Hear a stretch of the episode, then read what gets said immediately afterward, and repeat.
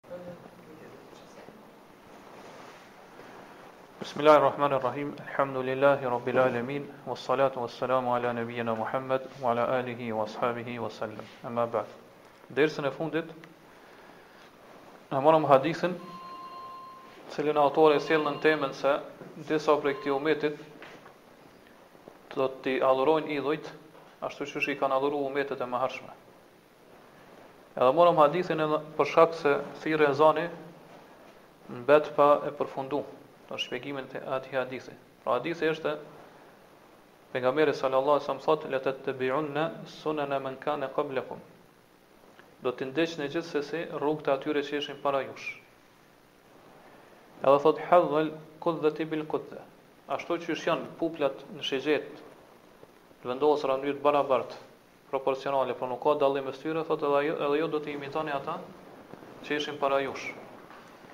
Hatta idha dakhalu juhra dhabbin dakhaltumu, thotë derisa edhe nëse ata hyjnë në vrimën e hardhucës të shkretinës edhe ju do të hyni aty. Edhe mbetëm, domethënë te dobitë që përfitohen prej këtij hadithi. Dhe i përmendëm disa prej tyre. Pastaj prej dobive tjera që përfitohen është se në këtë hadith ka mu'jize, Është shenjë, mrekulli që tregon se Muhamedi sallallahu alejhi ve sellem është i dërguari i Allahut, ngase ai ka paralajmëruar për diçka që ndodh në të ardhmen edhe ashtu vërtet ka ndodhur. Domethënë që disa prej këtij ummeti, domethënë i kanë imituar dhe kanë shkuar rrugëve të krishterëve edhe hebrejve. Pra i kanë ndjekë rrugët, shpikjet, adhurimet, shirkun që e kanë pas ata, kufrin e kështu me radhë. Pra ka ndodhur ashtu siç ka paralajmëruar pejgamberi sallallahu alaihi wasallam. Dobi tjetër është se në këtë hadith ka argument që nuk na lejohet neve me i përngjasu dhe me imitu umetet e mëhershme, pra hebrejtë dhe të krishterët. Ngase hadithi ka ardhë, qysh e kemi shpjegu në dersin e kalun në formë të lajmit, mirëpo për qëllim është ndalimi, Pra pejgamberi salallahu alejhi selem në këtë hadith po na ndalon neve që mos me ndjek rrugët e tyre. Edhe për këtë ka dhe hadithe tjera të shumta. Prej tyne është pejgamberi sallallahu alajhi ka thonë qartë la tashabahu bil yahudi wan nasara. Mos i imitoni hebrejt, hebrejt edhe krishtart. Po ashtu është hadithi tjetër men tashabaha bi qaumin fa huwa minhum. Ai që imiton një popull është prej tyre. Ai që imiton një popull, po bëhet bëhet prej tyre. Pastaj këtu është një çështje që dikush mundet me pyet, po i lind pyetja mbasi i dëgjon këto hadithe, se cila është urtësia që Allah subhanahu wa taala ka sprovu këtë umet me këtë çështje. Pra që gjithat këqijat mëkatet, duke fillu prej kufrit, shirkut edhe tjerat që kanë të bëjnë me moralin, me sjelljen e tjerat që kanë qenë në umetet e mëhershme patjetër kanë me ndodh edhe në këtë umet. Ku është urtësia e kësaj? Pse Allahu subhanahu wa taala sprovon këtë umet me këtë gjë? Urtësia e kësajna është se përmes kësaj Allah subhanahu taala sqaron edhe e vë në dukje përsosmërinë e këtij feje, e kësaj feje, të dinit islam. Ngase feja islame i, i kundërshton gjitha këto morale, gjitha këto sjellje. Prandaj përderisa pejgamberi feja islame i kundërshton këto gjëra, atëherë kjo tregon se çdo mangësi, çdo e keqe që ka ka qenë në umetet e mëhershme, atëherë kjo umet ose kjo fe, kjo sheriat me cilën ka ardhur pejgamberi selem ka ardhur me plotësu ato, me përmisu. Prandaj kjo tregon për sotshmërinë edhe për kryen e kësaj feje, ngase do thotë arabisht thuhet që me të kundërtat e tyre njihen gjërat, edhe kuptohen më mirë, pra sqarohen më mirë. Kur kuptohet e kundërta e një gjëje, atëherë kuptohet edhe realiteti i asaj gjëje. Pastaj autori këtu po thotë akhraja, këtë hadith E transmetojnë Buhariu dhe Muslimi. Mirëpo, ç'kjo shprehja që erdh këtu, hadithin që e sjell autori hadhwel kudhati bil kudhati, pra do të jeni të barabartë me ta sikurse puplat në shigjetë, që kjo nuk është përmend në dy sahih, as Buhari dhe Muslim. Prandaj Dietarët thonë autori ose e ka transmetuar prej vendeve të tjera, prej librave të tjera të hadithit, kurse teksti i hadithit është në Sahih al-Bukhari dhe Muslim. Pra, në përgjithësi hadithi është i përmendur në Bukhari dhe Muslim, ngase do thotë njëtin kontekst hadithin e gjejmë te Muslimi, ku pejgamberi sallallahu alajhi wasallam thotë për hadithin e transmeton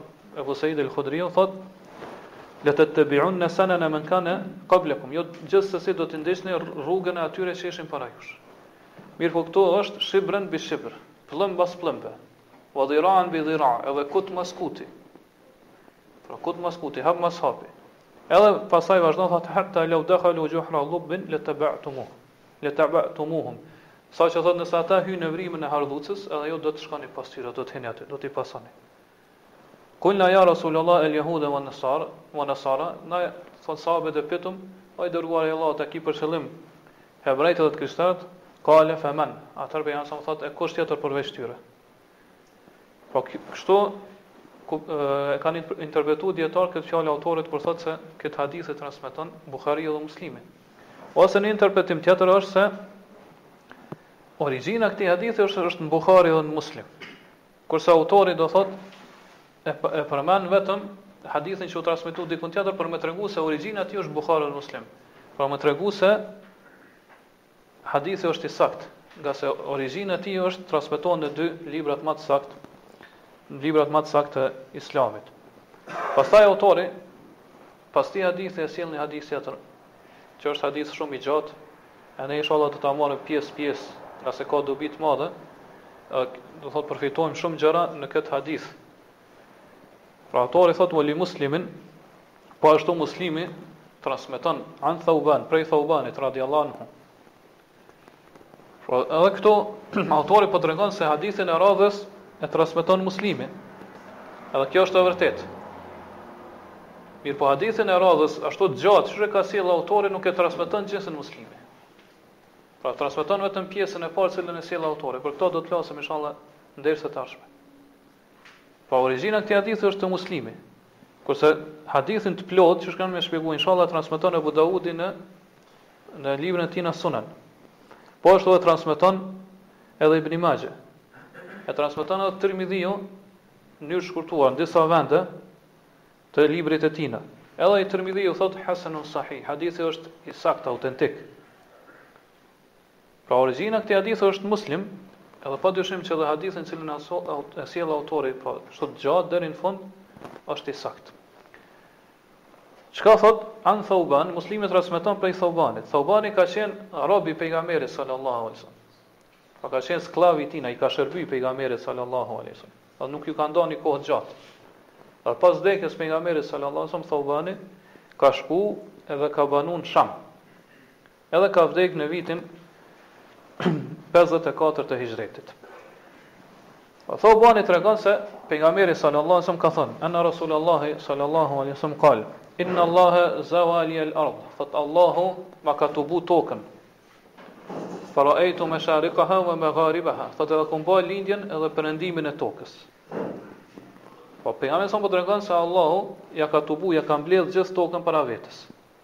Thotë unë kum pa lindjen edhe perëndimin e tokës. Po disa dietar thonë se për, për qëllim është se pejgamberi salem ka pa me sytë e ballit. Kurse disa dietar thonë se pejgamberi salem këto e ka pa në ëndër, jo me sytë, por duke qenë zgjuar. Thotë edhe i kum pa lindjen edhe perëndimin. Pra kjo është e lehtë për Allahut subhanahu wa taala. Nuk është diçka që nuk është në mundësinë dhe forcën e Allahut subhanahu wa taala. Nga se qysh e dim, Allahu është i fuqishëm për çdo gjë. Prandaj prej forcës dhe fuqisë së Allahut është se ai ose në mundësinë e tij është me ia tubu dhe me ia mbledh pejgamberit sallallahu alajhi wasallam gjithë tokën para vetes. Sa që ai me pa, do thon gjithë tokën.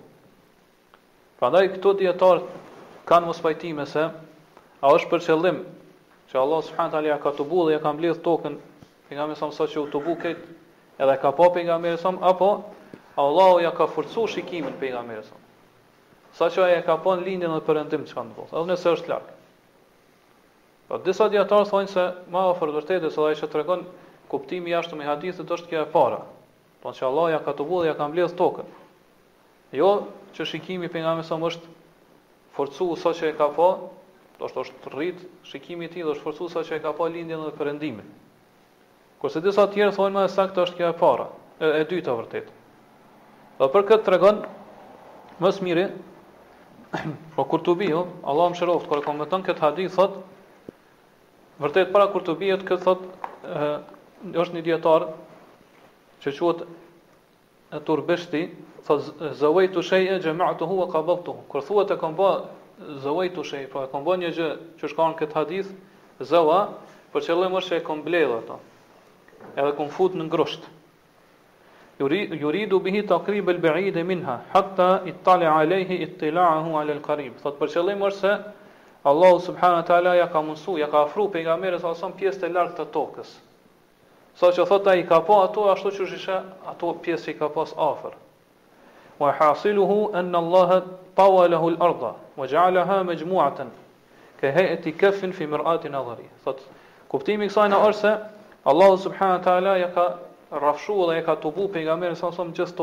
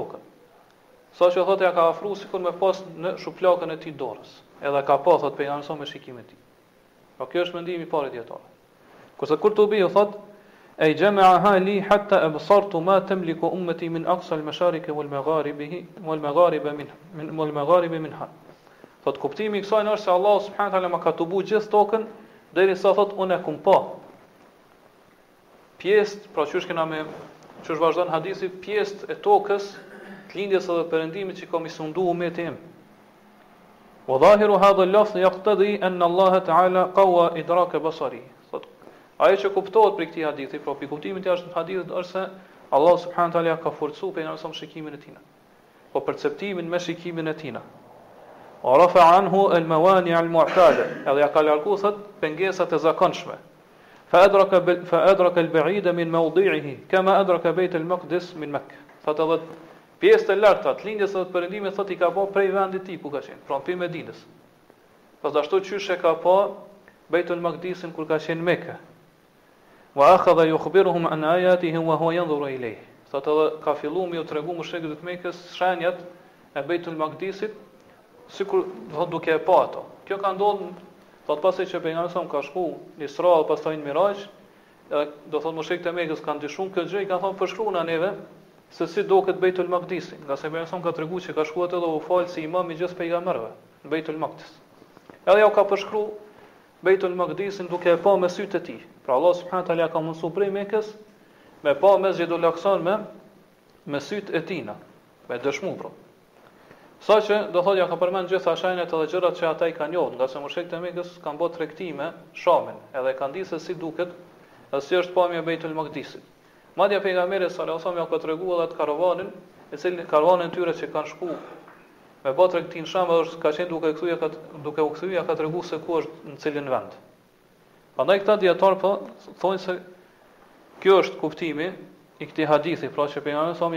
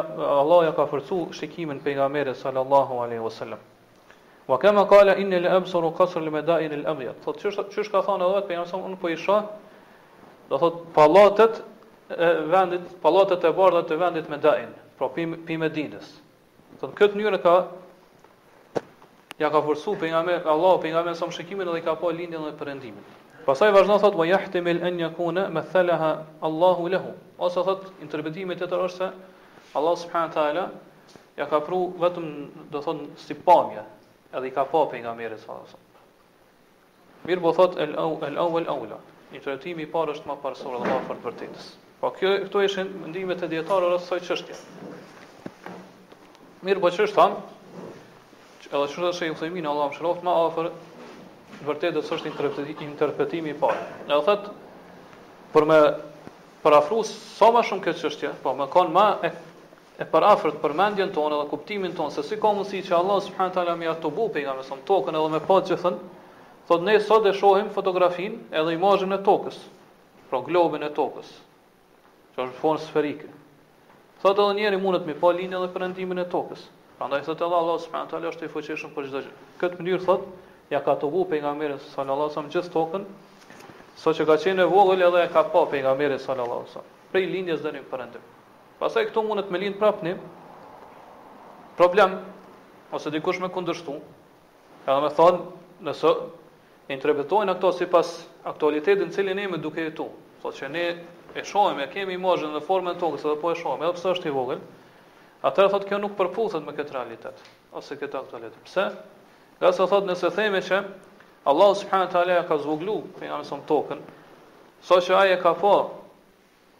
me shikimin e tina, pra me shikimin e tij, shikimin e syve, pa ndonjë mjet tjetër.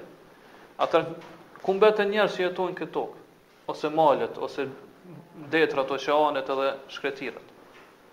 Shejhu thot, përgjigja për këtë është se kjo është prej çështjeve të gajbit.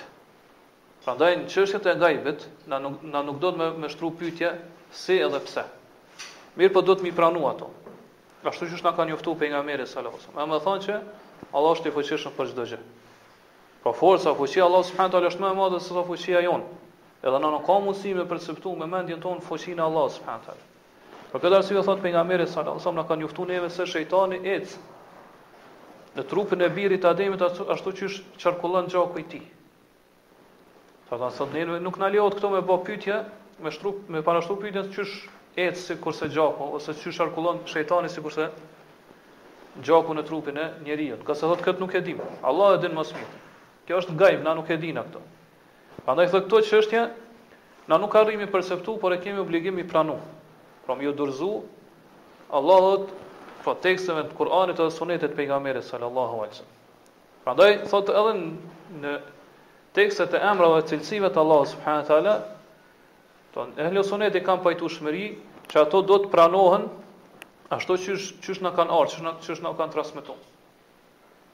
Edhe duhet pra që Allahun subhanahu wa taala ta lartësojmë e ta pastrojmë prej të metave. Mirëpo, Gjithashtu duhet edhe t'i pohojmë cilësitë e Allahut subhanahu teala, mirëpo pa ju dhënë formë edhe pa pa i përngjasuar me cilësitë e krijesave. Pra duhet t'i pranojmë ashtu siç kanë ardhur, mirëpo ne nuk e dimë se si është forma e cilësive të Allahut subhanahu teala. Ne e dimë kuptimin, mirëpo nuk e dimë realitetin dhe formën e tyre. Këto e din vetëm Allahu subhanahu teala. Edhe vazhdon pejgamberi sallallahu alaihi wasallam thotë po po tregon faraejtu mesharikaha we magharibaha thotë i kam pa lindjet edhe perëndimet nëse përkthejmë bukvalisht këtë hadith. Po pejgamberi sallallahu po tregon këto që i ka pa vendet në lindje dhe në perëndim ku ka mbërrit umeti ose sundimi i umetit tina. Ose sipas një interpretimi ose komentimi të dijetarëve, pse quhen lindjet edhe perëndimet në shumës,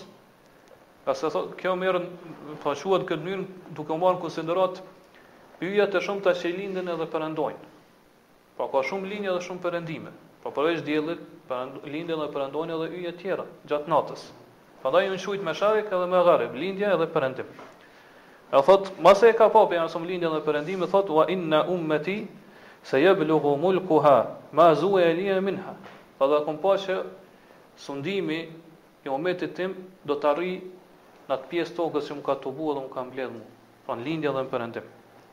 Pra qëllimi me umetin është umeti, umetul ixhabe, umeti që ju ka përgjigj thirrjes të Pejgamberit sa, pra që e ka besu të dërguarin e Allahut. E sundimi i këtij umeti pra do të arrijë në lindje dhe në perëndim. Edhe kjo është e vërtetë. Pra kjo ka ndodhur ashtu siç ka paralajmëruar Pejgamberi sallallahu alajhi wasallam. Gase Qysh e dimë prej historisë, sundimi i umetit të Muhamedit sallallahu alejhi ve sellem është zgjeru në lindje dhe në perëndim, është zgjeru shumë. Mirpo në veri dhe në jug janë shumë pak janë zgjeru. Kështu kështu ka paralajmëruar pejgamberi sallallahu alejhi ve sellem. Pra në lindje kanë shkuar deri në vendet e Sindit, pra që janë te Kina atje. I kanë përfshirë disa vende të pjesë të Kinës e të Indisë kështu me radhë. Kurse në perëndim qysh e dimë kanë shkuar deri te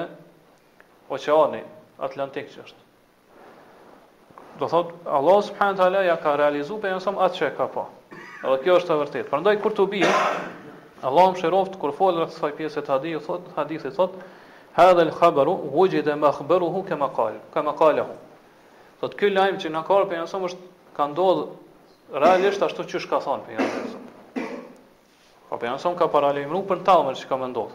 Edhe na e dina që pejgamberi sa nuk fol prej vetes ti. Pra çdo gjë që ka fol ka qenë shpallje prej Allahut. Prandaj kjo kjo ka qenë është argument për për pejgamberinë e Muhamedit sallallahu alaihi wasallam, pra që ai është i dërguar i Allahut.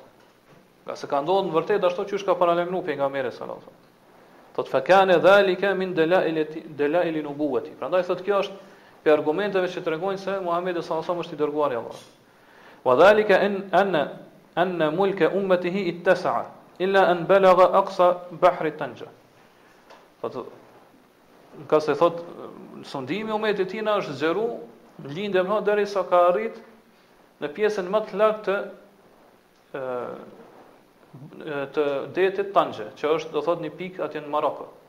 Pra që nuk ka më anë, do thot është pika më e lartë në lindje të kontinentit afrikan. Pastaj vazhdon thot alladhi huwa muntaha imaratu al-Maghrib. Thot kjo është fundi i vendit edhe shtetit Maghrib, të Marokos. Wa ila aqsa al-Mashriq. Thot gjithashtu kanë shkuar deri në fund të lindjes. Ma wara'a Khorasan, pas Khorasanit, wa Nahr, wa kathir min bilad al-Hind, thotë se i ka përfshi shumicën e vendeve të Indisë, wa Sind, deri te Sindi, do të thotë që shkon deri te Kina atje. Wa Sogd, po këto janë vende që tregojnë për lindjen, madje do thotë umeti i pejgamberit sallallahu alajhi wasallam ka shkuar edhe deri në Indonezi, ne qysh e dimë. Po është përhap shumë në lindje dhe në perëndim. Kjo ka ndodhur pas çlirimeve dhe betejave të shumta që i kanë bërë muslimanët në kohën e Khulefave Rashidinëve,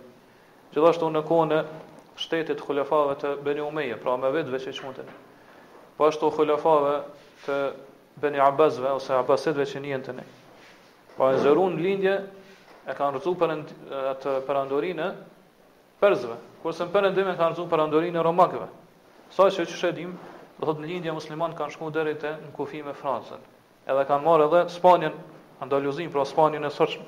Ka ka qenë brenda pushtetit apo mbretërisë së Emevitëve, pra mbretërisë së muslimanëve. Pastaj vazhdon thotë Wa lam yattasi zalika littisa' min jihati al-janub wal shimal. Thotë e shohim se me këtë zgjerim që e ka pasur umeti Islam në lindje dhe në perëndim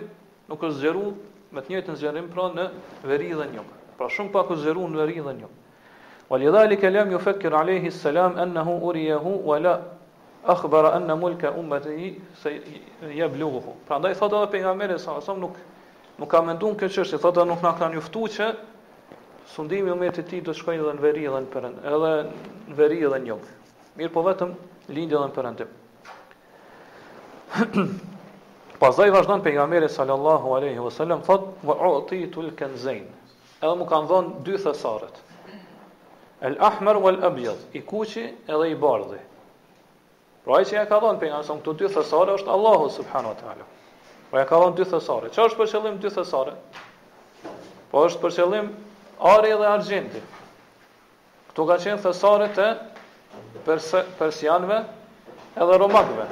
Pra Kisras, perandorit Persisë, edhe Cezarit, perandorit Romës. Pra sipas disa dijetarëve, ari ka qenë me shumicë te romakt, kurse argjendi te persiant. Po, ata kanë pas ari dhe argjend, mirëpo ajo që ka dominu te romakt ka qenë ari, kurse te persiant,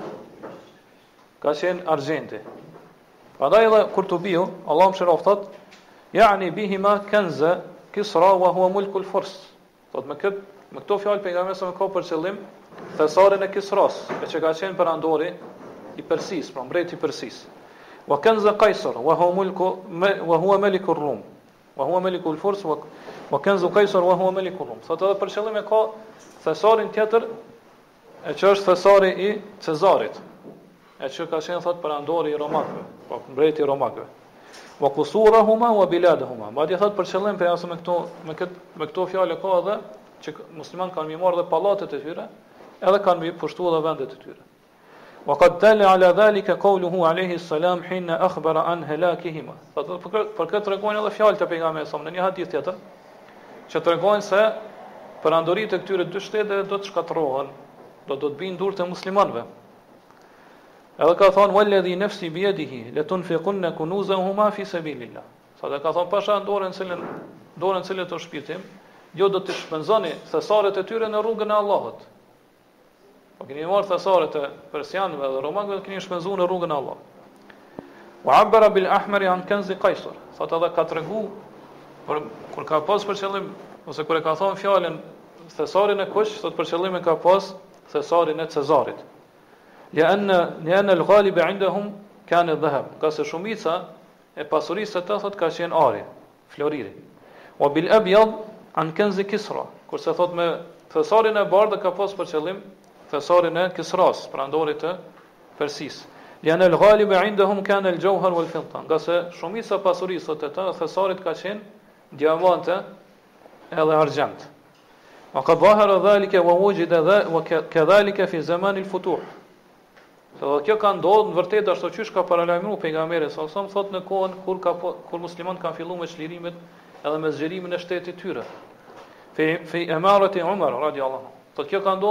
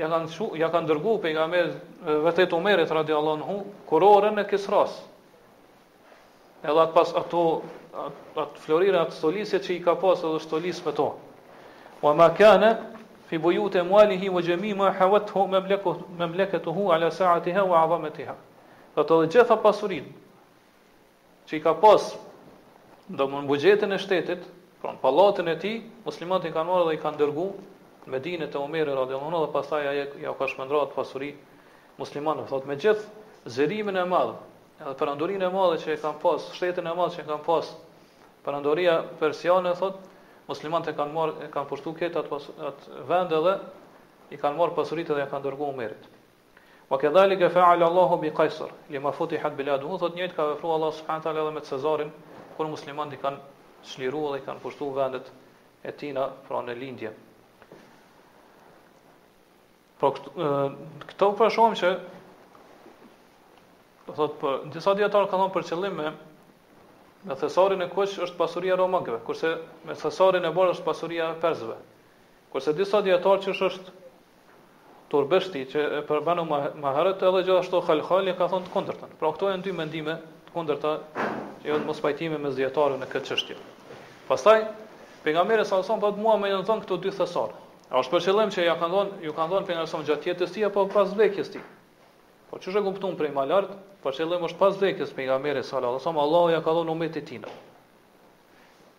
Mirëpo, përderisa Allahu ia ka dhënë umetit pejgamberit sallallahu alajhi wasallam, atëherë sikur me ia dhënë vetë pejgamberit sallallahu alajhi wasallam. Këto dy thesare.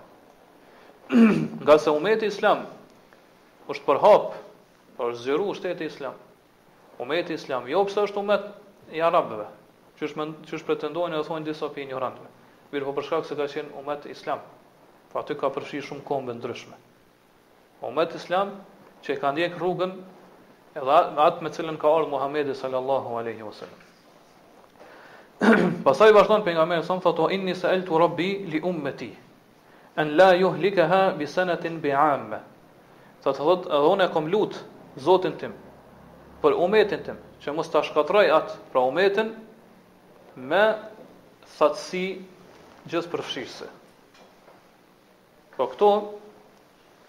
Po e shohim që në sahihun e Muslimit po transmetohet po, po përmendet fjala bi, bi senetin bi ame, pra dy herë po përsëritet pjesëza bi. Kurse në disa transmetime thot bi senetin ame, Po kjo është më afër. Prandaj edhe Kurtubiu thotë që kjo beja që u përmend në këtë fjalën e dytë është shtesë. Po ngase kjo fjala e dytë është mbiemër i fjalës së parë. Prandaj nuk duhet të vijë aty edhe beja. Po duhet bi senetin amme, qysh ka ardhur. Mirëpo edhe ajo është e saktë. Do të është transmetuar, do të siç është origjina e këtij hadithi te Muslimi. Edhe ajo ka një kuptim që shkon me përmend më poshtë. Çka është për qëllim fjala sene që u përmend këtu është ajo thatësia. Pa po ku nuk ka ujë, s'ka shira dhe ka thatësi të madhe, sa që njerëzve i shkatërrohet krejt pasuria.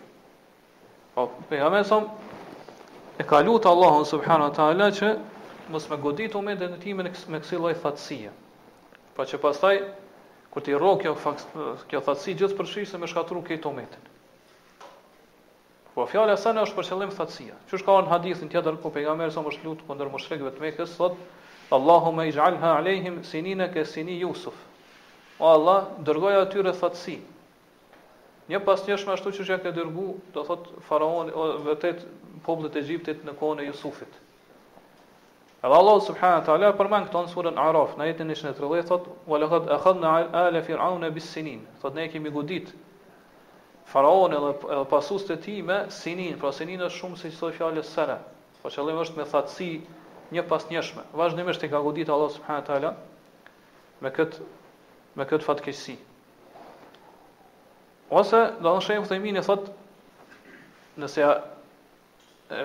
marrëm hadithin ashtu siç transmeton Sahih Muslim, bi senetin bi amme, atëherë për qëllim është thotë se që kjo bëja është rrethanor i vendit. A vërtet rrethanor i kohës. Pra për qëllim është që Allah subhanahu wa taala mos mi shkatrru umetin e tij me thatësi brenda një vitit. Ngase fjala am që përdoret arabisht e ka gjithashtu kuptimin e vitit. Pra ose për qëllim është që Allah subhanahu wa taala mos me ia dërgu umetit tij, një thatësi që i përfshin gjithë umetin dhe i shkatron, pra bi amme që ardh këtu, ose amme që i përfshin gjithë dhe i shkatron, ose për qëllim është, siç thotë Sheikh Uthaymeen Allahu e mëshiroft, mos me dërgu thatësi që i shkatron brenda një vitit.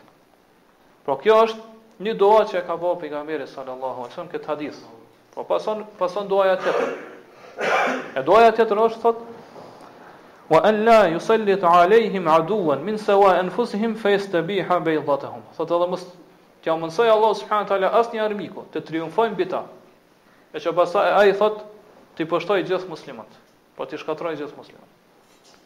Po pejgamberi sa thotë an la yusallit alayhim aduwan, që mos t'ia mundësojë ndonjë armiku me triumfu mbi ta. Fjala adu në gjuhën arabe është e kundërta e mikut. Pra ai i cili t'armiqson, ai i cili nuk t'don, t'urren. Ai i cili do thotë ka armiqësi me ty. E armiqtë e muslimanëve janë jobesimtarët. Për këtë edhe pejgamberi sa sa po thotë min siwa anfusihim, një armik jo prej vetes tyre. Pra qëllimi është pi tjere, pi jobesimtarë, mos ia mundësu atyre që me triumfu, me ngadhnjy mbi musliman, fe jestebiha bejdatehum, edhe t'ia bëjë t'lejushme bejdatehum. Bejda në gjuhën arabe është ajo helmeta që vendoset mbi kokë, Edhe që e mbron kokën prej goditjeve, do të thotë prej shigjetës, prej shpatës e kështu me radhë. Qëllimi pra i këtij hadithi është që mos me mundsu, do të thotë armikut që me triumfu ndaj gjithë umetit islam, me triumfu edhe me ngadhnjy mbi ta. Prandaj këtë e transmeton, e komenton këtë fjalë Xhauheriu, Allahu e mëshiroft thot bejdatu kulli shay, kur themi bejda, po ç'u përmend n'këtë hadith, bejda e çdo gjëje thot është hauzetuhu. Pra është ajo toka që dikush e posedon. Toka që dikush e zotron. O bejdatul kaumi sahatuhum. Pra ndaj thot kur theme që është, kur vjen fjala për njerës, pra që shkon në këtë hadith që Allah subhanahu taala mos më mundsu jo besimtarëve që ose armikut muslimanëve që me, me pas leje me pra me pas në sundimin e ty e ty e tyre bejdan e muslimanëve për qëllim është thot tokën e tyre.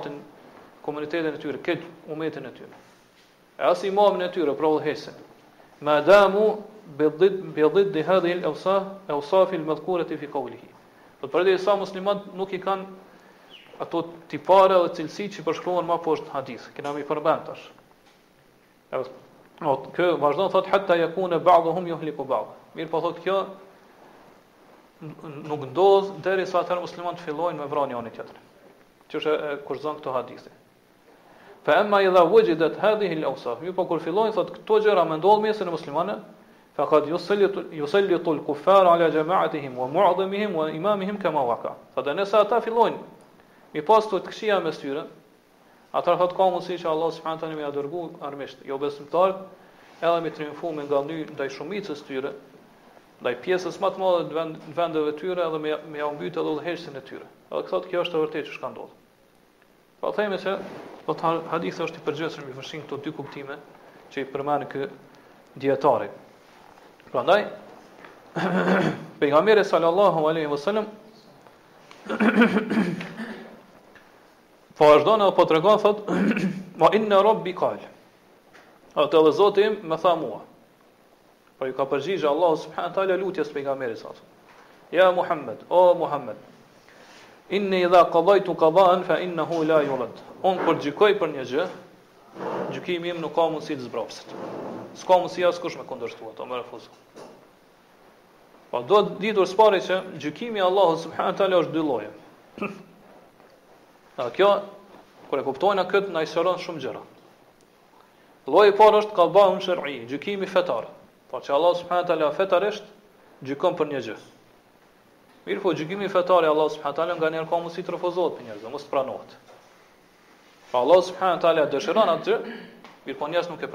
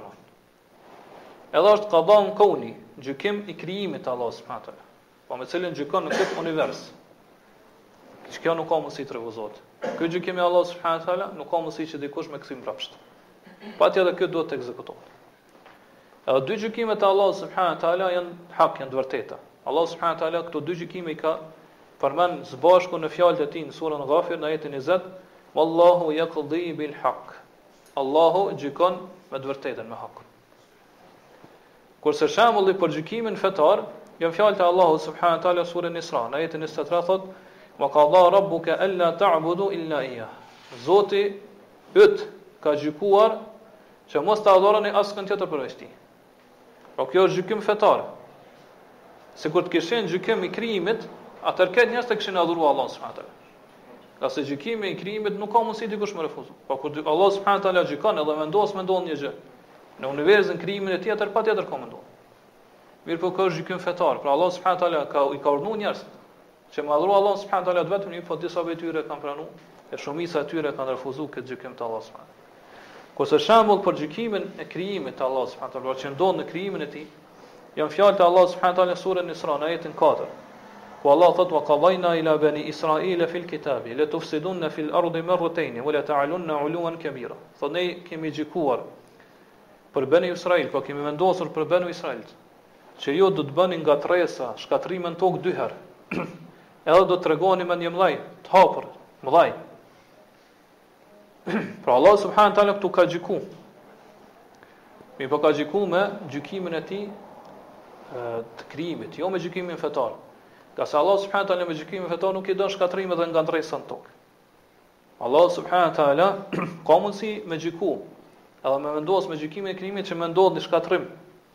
në tokë, në ngatërresë, mirëpo Allahu nuk e don ato.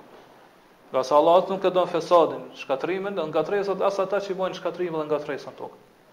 Mirëpo ndodh që Allah subhanahu taala me gjyku nganjëherë që me ndodh një shkatrim, një ngatres në tokë, ngase këtë e kërkon urtësia Allah subhanahu taala. Qysh e dim që Allah subhanahu taala i ka nda krijesat e tij në besimtarë dhe jo besimtarë.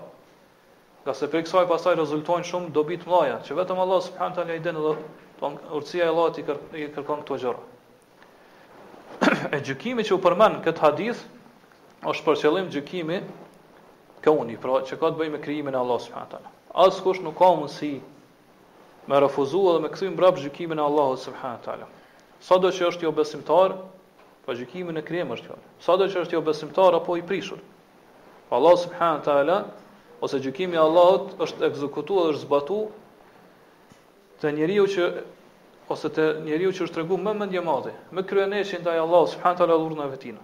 E që është faraoni. Pra Allahu subhanahu wa taala ka gjykuar që me zhytë dhe me fundos ato në ujrat me të cilat ai është lavdru. E ka thonë këto ujra rrjedhin nën vullnetin dhe dëshirën time. Gjithashtu Allahu subhanahu wa taala i ka shkatru me gjykimin e tij të krijimit shumë prej diktatorëve,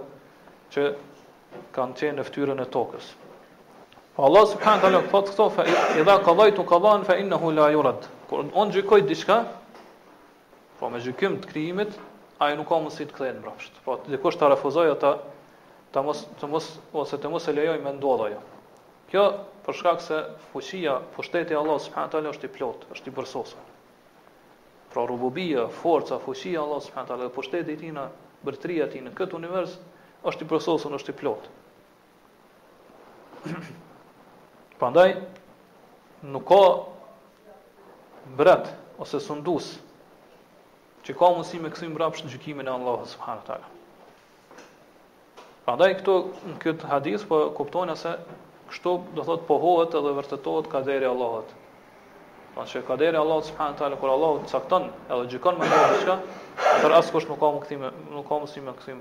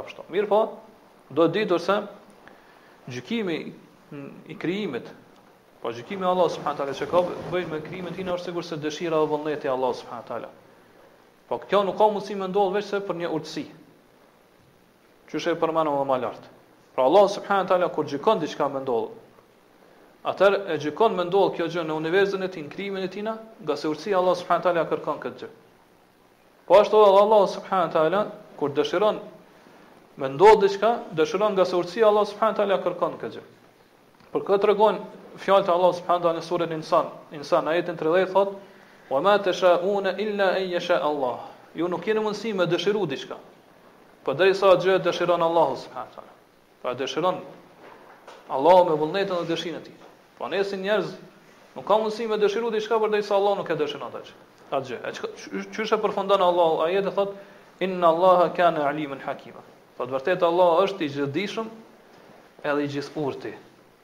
Prandaj kjo tregon se ose sqaron se Allahu subhanahu wa taala nuk dëshiron diçka përveç se duke e bazuar atë në dijen e tij, po që është i gjithëdijshëm edhe në urtësinë e tij.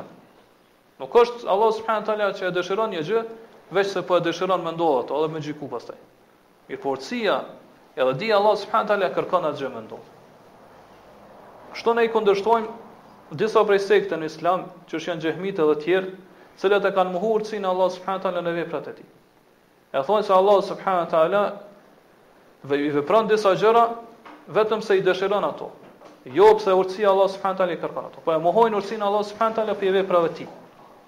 Edhe sipas pretendimit të tyre po e shohim që në këtë nëse ata besojnë këtë mënyrë, atëherë krijesat janë më të përsosura se sa Allahu subhanahu wa taala. Ngase çdo njeri i mençur që është, që ka mendjen në kokë, nuk ka mundësi me bënë një vepër pa urtësi, pa, do thotë pa e kërku urtësia e tij këtë gjë.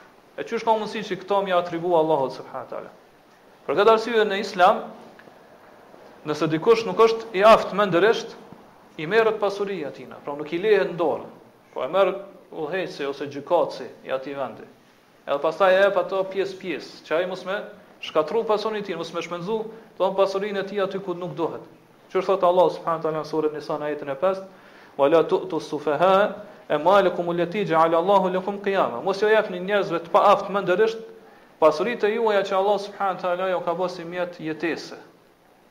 Po pasuritë që Allah ju ka lënë përgjegjës për to. Po është pasuri e tyre, mirëpo mos ia jepni atyre, ngase ata e shkatërrojnë atë pasuri, e shpenzojnë në vendin ku nuk duhet. Po jepni vetëm sipas nevojës. Prandaj ne themi që Allahu subhanahu wa taala kur të vepron një gjë, e vepron ngase dëshira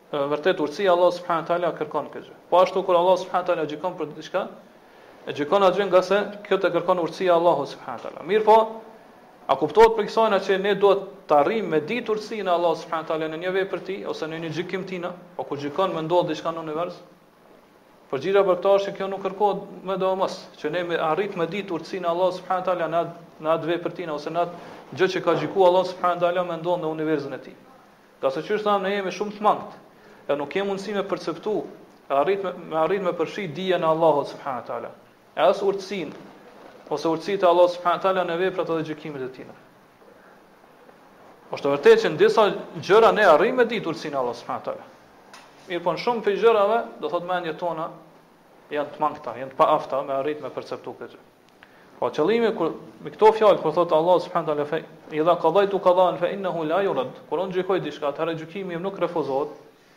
Allahu subhanahu teala po na sqaron se ka prej gjërave që pejgamberi s.a.s. i ka kërku prej Allahu subhanahu teala. Mirëpo Allahu subhanahu teala nuk ia ka dhënë. Ngase dija dhe urtësia e Allahut subhanahu teala nuk e kërkon këtë gjë. Edhe po tregon se do thotë Allahu subhanahu wa taala nuk ka mundësi që dikush me refuzu dhe me kthy mbrapsht gjykimin e tij. E nganjëherë, do thotë gjykimi i Allahut subhanahu wa taala kushtëzohet me duan, me lutjen. Madje shumica krejt gjykimet e Allahut ose shumica e tyre kanë shkaqe. Për me arrit deri aty duhet me i ndjek shkaqet. Këto shkaqe ose janë të njohura ose të panjohura. Për shembull, hyrja në xhenet, kur Allah subhanahu wa taala gjykon për dikon me hyrë në xhenet, kjo i ka dhe shkaqet. E prej këtyre shkaqe është besimi, me besu dhe me bë vepra të mira në këtë besim. Atëherë arrin me hi te xheneti e Allahut subhanahu. Gjithashtu me arrit atë që kërkon edhe dëshiron ti prej Allahut subhanahu taala. Ka ndonjëherë Allah subhanahu taala të privon prej një gjë, në mënyrë që ti me lut Allahun subhanahu taala, me kërku prej tij. Mirëpo ka prej rasteve që edhe pse e lut Allahun subhanahu teala, atëherë dija dhe urtësia e Allahut subhanahu teala nuk e kërkon që ty mi me tu mi u përgjigj lutjes tënde me ta dhënë atë gjë. Mirëpo në këtë rast, nëse ti ke plotësuar kushtet e lutjes e duas, atëherë Allahu subhanahu teala ka me ka me ta dhënë shpërblim më të plotë se sa atë që të dhënë. Ose Allahu subhanahu teala shpërblimin e e kësaj duaje ka me ta rujt për ditën e gjykimit, Po që masandej do të marrë shpërblime të mëdha te Allahu subhanahu wa taala ose Allahu ka me ta largu një të keqe më të madhe se sa ajo për cilën po lut'sh Allahun. Prandaj nëse lutja, duaja i plotëson kushtet e pranimit, edhe nuk ne nuk gjejmë përgjigje prej Allahut subhanahu wa taala, atëherë ne duhet të jemi të bindur se Allahu subhanahu wa taala po na e ruan shpërblimin e kësaj lutje për ahiret, ose na ka largu një të keqe më të madhe që ka pas me na godit neve. Prandaj, vazhdon hadithi, thot, wa inni a'tejtu li ummetike, en la uhlike hum bisanetin amme. Bisanetin bi amme. Thot, edhe unë ja kom dhonë umetit tëndë, që nuk, nuk kam me i shkatru me thatësi për, përgjithshme, për gjithëpërfshirëse. Pra, Allah ju ka përgjigj, kësaj lutje të parë në mënyrë, do thot, pakufizume. Për dytën ka thënë wa alla wa alla usallit alehim aduwan min siwa anfusihim fa yastabiha baydatuhum. Thotë edhe ja kom përgjigj lutjes tonë për umetin ton që mos me arrit një armik me triumfu ndaj tyre edhe me i pushtu shumicën e tyre, ose shumicën e vendeve të tyre.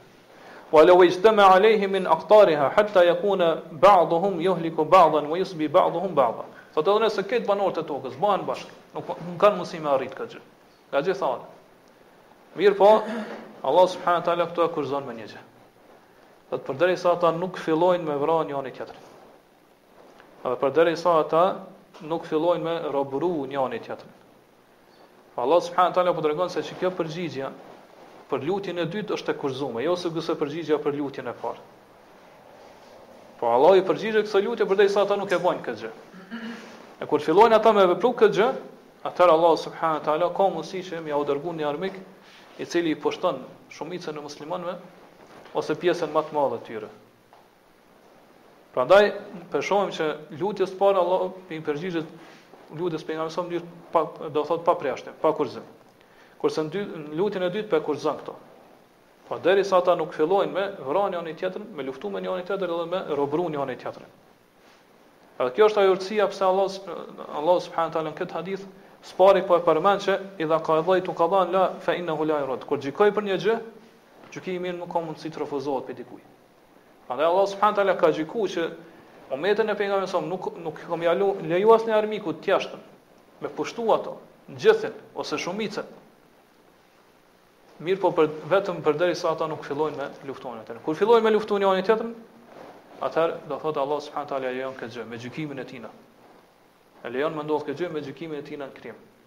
Prandaj Allahu subhanahu taala i ka përgjigj kësaj lutje të pejgamberit në mënyrë të kufizume.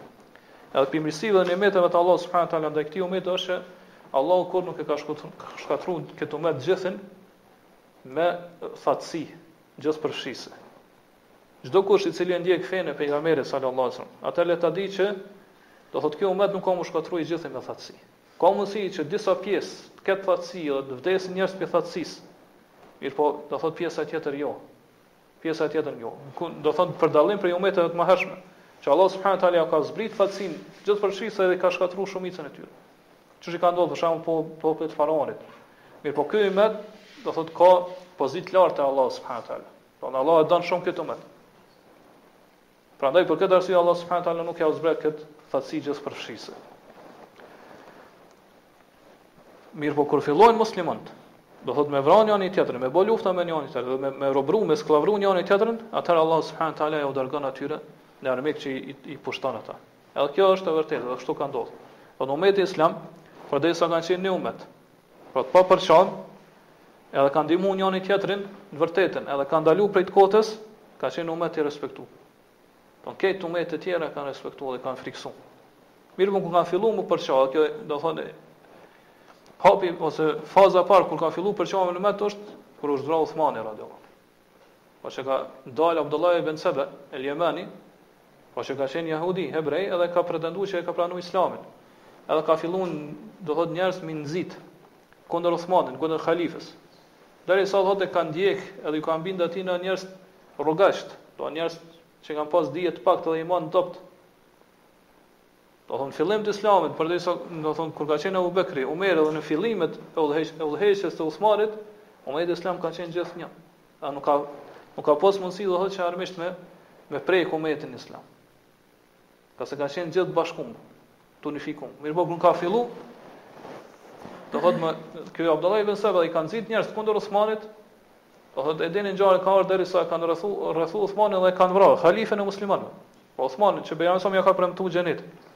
Atëherë do thotë kanë filluar muslimanët me vrarë njëri tjetrin, me robru njëri tjetrin. Edhe atëherë Allahu subhanahu wa taala jau ka dërguar një armik prej tjerëve dhe i ka pushtuar ata. Edhe vazhdimisht gjatë gjithë historisë kjo gjendje vazhdon. Po këto luftrat mes muslimanëve përçamjet, Pra që ata e vranë njëri tjetrin, e pastaj si shkak i saj është që, do thotë, vijnë jo besimtarët edhe i pushtojnë, kjo ka vazhdu gjatë gjithë historisë. Është vërtet që mas vrasjes të Uthmanit, do thotë ka ardhë shteti Emevij, që e përmenëm në fillim, Benu Umeje, edhe është zgjeru shumë shteti islam, pas tyre ka ardhë shteti i Benu Abbas, po Abbasidve. Mirëpo, gjatë gjitha kohërave, do thot, ka pas luftra mes pjestarve këtij umeti. Gjatë gjitha lu, gjatë gjithë kohës, gjatë gjithë historisë, ka pas fitne, luftra që ka ndodhur mes muslimanëve. Derisa ka ardhur ajo gjëma dhe ajo fitne e madhe që ka ndodhur në fund të hilafetit të Abasidëve. Domethanë kur tatart, po mongolët i kanë sulmu vendet e muslimanëve. Po ky ka qenë armiku më i rrezikshëm dhe më i madh që Allah subhanahu teala e ka leju, do thotë m'i pushtu vendet e muslimanëve. Sa që, do thotë, nuk ka krahasim me shkatërrimin dhe fesadin që kanë bërë ata në vendet muslimane. Sa që, do thotë, në brenda një dite, kur kanë hy në Bagdad, ngase ata e kanë pushtuar pushtetin, e kanë pushtuar dhe kryeqytetin e shtetit islam. Po që ka qenë Bagdadi, kur kanë hynë aty, i kanë vra 500 dijetarë brenda një dite, prej dijetarëve muslimanë. Kjo është një gjë shumë e madhe, domethënë një fitnë, një, një fatkeqësi e madhe që e godet Umetin islam, 500 dijetarë me vra brenda një dite. E kanë vra halifen, edhe kanë kanë vra prej muslimanëve qindra mijëra njerëz. Gjithashtu i kanë djegë dhe i kanë shkatërruar librat e muslimanëve. Saqë me librat e muslimanëve i kanë vendosur në lumin në lumin Tigër, edhe kanë ecë mbi to. E kanë bërë si urë, aq shumë libra kanë pas muslimanë. Aq domethënë civilizimi i zhvilluar ka qenë. Civilizimi i muslimanëve saqë ata kanë vendosë libra mbi mbi lumin Tigër, do thotë në shtratin e tij derisa ka arrit përmbi sipërfaqe të lumit dhe kanë ecë kanë ecë si urë. Do thonë saqë edhe i gjithë lumi Tigër e ka ndryshuar ngjyrën për shkak prej prej bojës së librave që i kanë shkruar muslimanët. Gjithashtu do thotë kanë shkuar te gra shtatzana dhe ja kanë ça barkun dhe ja kanë nxjerr fëmijët. Edhe duke lviz, do thonë fëmijët para syve të nënave ja kanë therr, do thonë ato i kanë pa me sytë e tyre. E pastaj do thotë kanë vdekur ato. Kan kanë vazhdu do thotë me pushtu edhe vende të tjera. Përveç do thotë Irakut i kanë pushtu edhe Khorasanin, do disa pjesë tjera të umetit islam, mirëpo këta do thotë nuk janë ndal vetëm, kanë vazhdu edhe në disa pjesë edhe vende të Evropës i kanë pushtu.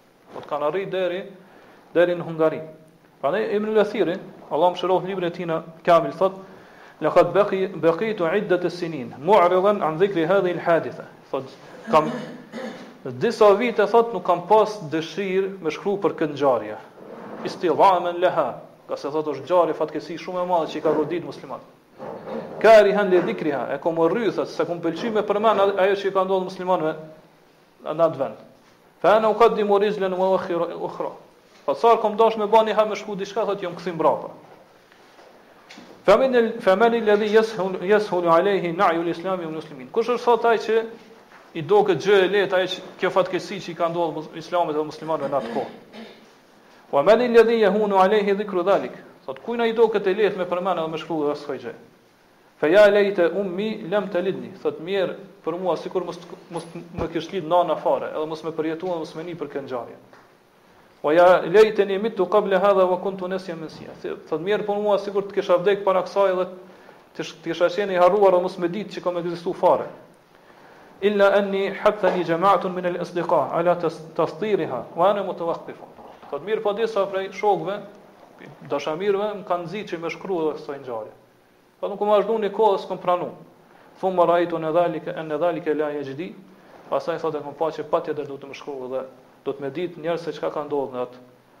në atë kohë. Prandaj, do thotë i ka përmend disa, ka shkruar shumë dhe i ka përmend disa ngjarje të tmerrshme që ju kanë ndodhur muslimanëve në atë vit ose në atë periudhë sa i kanë pushtu tatarët.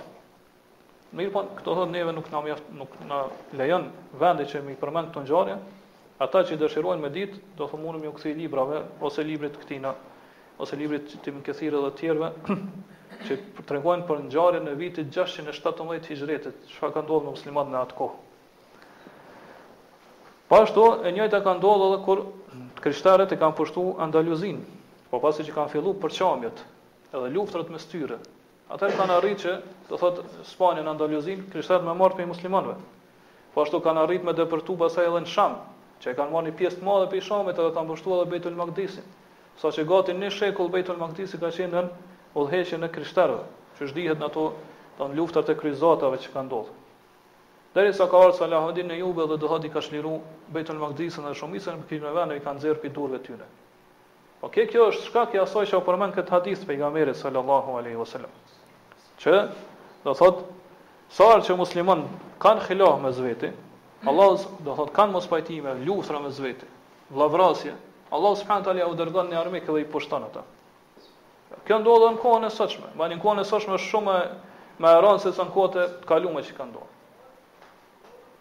Siç qysh do thotë po e shohim edhe e dëshmojnë secili prej neve. Pra krejt shkaku i saj na është mospajtimet edhe vrasjet, luftrat që ndodhen mes muslimanëve, qysh e ka përmend pejgamberi në këtë hadith. Prandaj muslimanët e kanë obligim që gjithë të bashkohen të jenë një umet.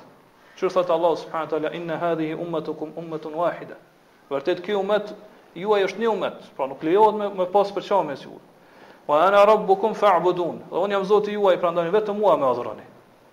Po ashtu Allahu subhanahu wa taala thotë: "Wala tanaza'u fatafshalu", mos u përçani që pastaj të dështoni.